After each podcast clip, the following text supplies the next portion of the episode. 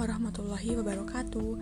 Perkenalkan, nama saya Septin Kumalasari dari Universitas Negeri Malang, program studi Pendidikan Sosiologi dengan NIM 2007 516 36481. Teman-teman, selamat datang di Septin Kumalasari Podcast. Kali ini saya akan menjelaskan sedikit mengenai apa sih perbedaan sumber belajar dan media pembelajaran. Nah, sebelumnya Apakah teman-teman tahu pengertian dari sumber belajar dan media pembelajaran itu? Perlu kita ketahui terlebih dahulu pengertian dari sumber belajar dan media pembelajaran. Media pembelajaran adalah suatu media yang berfungsi untuk mempermudah teman-teman dalam proses pemberian informasi dalam suatu pembelajaran. Beberapa pendapat menurut ahli mengenai pengertian media pembelajaran, yaitu yang pertama menurut Ibrahim dan Nona Saudia.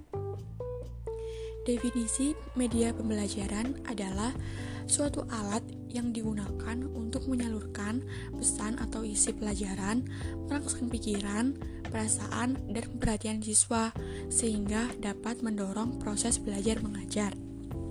Sedangkan sumber belajar adalah seluruh sumber yang bisa digunakan untuk mendapatkan materi atau data dalam rangka proses pencapaian tujuan dari pembelajaran.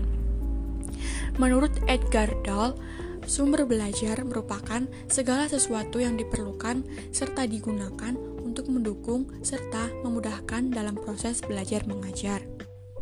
Nah, ada pendapat dari seorang ahli lagi, menurut Ananda, sumber belajar merupakan bahan atau alat permainan untuk memberikan informasi maupun berbagai kemampuan kepada siswa dan guru. Sumber belajar sebagai salah satu faktor atau aspek pembelajaran anak usia dini yang berperan penting tentunya dalam terlaksananya kegiatan pembelajaran yang berkualitas dan menarik bagi anak.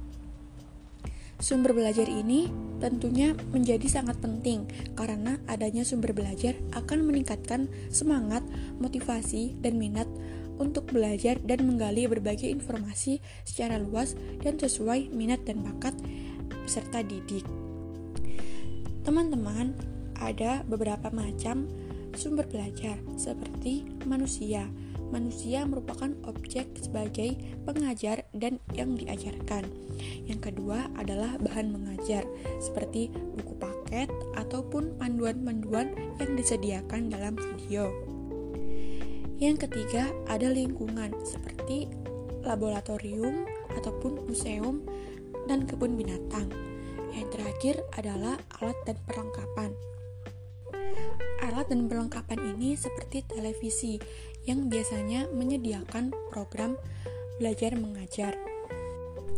Di sini tentunya teman-teman sudah mengetahui kan bahwa dunia pendidikan di Indonesia sekarang ini terus mengalami pembaharuan ilmu pengetahuan yang juga semakin luas. Dalam proses ini, kegiatan media pembelajaran dan sumber belajar tentunya sangat berfungsi kan teman-teman sebagai alat bantu untuk menyampaikan pesan kepada peserta didik. Sehingga media pembelajaran dan sumber belajar memiliki peranan penting dalam meningkatkan kualitas pembelajaran peserta didik serta menjamin mutu pendidikannya. Apakah teman-teman tahu bagaimana sih caranya meningkatkan kualitas belajar yang baik dan tepat? Uh, untuk meningkatkan kualitas media dan sumber belajar yang baik dan tepat, maka diperlukannya prosedur pemilihan media dan sumber belajar yang cermat dan tepat tentunya. Teman-teman, kita mengetahui tidak semua pendidik saat ini menerapkan prosedur pemilihan media dan sumber belajar.